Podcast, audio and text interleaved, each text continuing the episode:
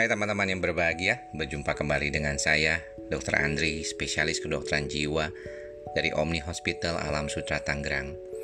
Di podcast saya kali ini, Psikosomatik Dr. Andri, saya ingin sedikit kita merefleksi kembali apa yang telah terjadi dalam sekitaran 8 minggu belakangan ini. Kita banyak menemukan hal-hal yang mungkin baru dalam kehidupan kita, tapi bagaimanapun kita berharap kehidupan ini akan terus berjalan sebagaimana kita harapkan. Dan mudah-mudahan ke depan akan jauh lebih baik lagi. Ada beberapa hal yang mungkin menjadi problem belakangan ini. Hal-hal yang berkaitan dengan kehilangan sesuatu. Teman-teman mungkin ada yang saat ini tidak mendapatkan pekerjaan lagi akibat dari wabah COVID-19 ini atau kepaksa untuk tidak bisa perform lebih baik lagi. Padahal saat-saat ini adalah saat yang baik sebenarnya untuk mendapatkan sesuatu yang baru karena baru saja awal bulan. Banyak di antara kita yang mungkin merasakan ketidaknyamanan. Bukan sekedar kita tidak mendapatkan apa yang kita impikan, tetapi kita banyak sekali kehilangan-kehilangan yang kita sendiri tidak pernah sangka sebelumnya. Sebagian dari kita mungkin merasakan kekecewaan karena tidak mencapai impian kita dan harapan kita di awal tahun.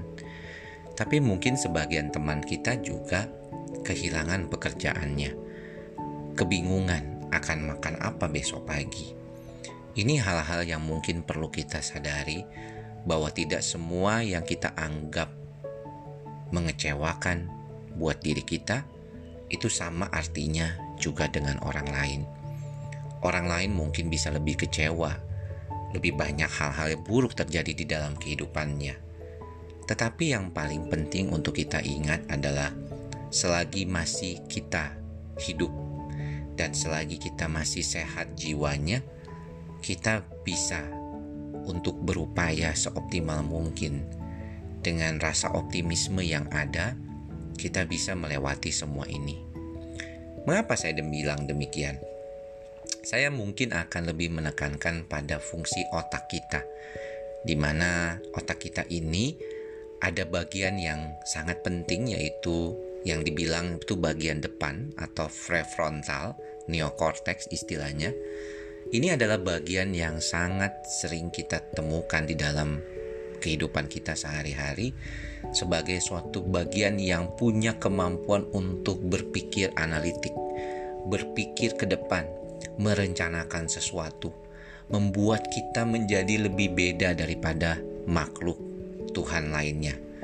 Ada beberapa kondisi yang terkait dengan hal ini, yaitu proses belajar. Artinya apa?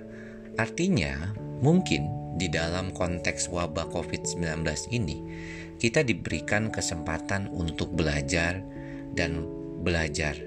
Kita belajar beradaptasi, membuat diri kita lebih menyadari bahwa ada hal-hal yang mungkin kita tidak perlu lakukan, tetapi tetap kita bisa hidup. Misalnya, tidak pergi ke mall, tidak kumpul dengan teman, tetapi kebutuhan dasar kita terpenuhi, maka kita bisa hidup.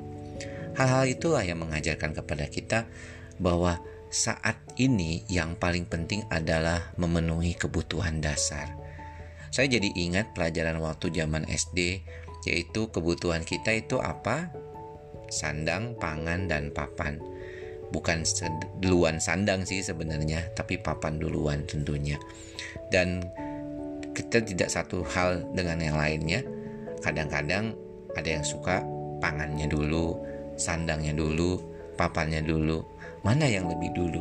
Tentu adalah kebutuhan dasar manusianya, yaitu makan.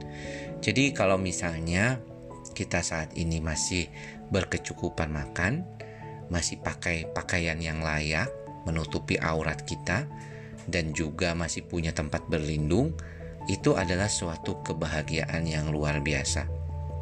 Teman-teman pasti pernah merasakan sendiri betapa tidak mudahnya berada pada kondisi tersebut, dan harapan kita adalah bagaimana kita bisa mengelola pikiran dan perasaan kita untuk menjadi lebih baik dengan adanya pikiran-pikiran bahwa kebutuhan dasar kita sudah terpenuhi. Saudara-saudara kita yang lain, teman-teman kita yang lain mungkin tidak mendapatkan itu. Mereka mungkin hanya bisa dapat pangan saja dan sandang, tetapi tidak punya rumah, tidak ada lagi kontrakan.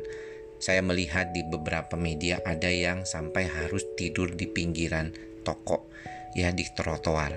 Itu mengingatkan saya zaman dulu waktu saya masih SD betapa banyaknya gelandangan di depan rumah uh, toko yang kemudian akhirnya membuat mereka kesulitan juga untuk dibantu karena hidupnya selalu berpindah-pindah. Kini sekarang banyak saudara-saudara juga yang demikian. Dan kita saatnya membantu mereka kalau kita punya kemampuan untuk memberikan mereka sedikit makan, atau mereka perlu tempat perlindungan, dan kita mampu memberikannya, berikanlah. Kalau kita tidak punya, maka semampu kita, apa yang masih bisa kita berikan buat mereka.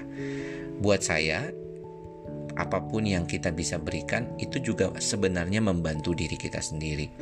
Ketika kita bisa membantu orang lain, maka di saat itulah sebenarnya kehidupan kita rasanya jauh lebih baik. Egoisme itu, sifat selfish itu memang ada pada diri manusia. Ketika dia punya kuasa lebih besar daripada orang lain, maka dia punya kesan ada kebahagiaan yang mungkin dia rasakan.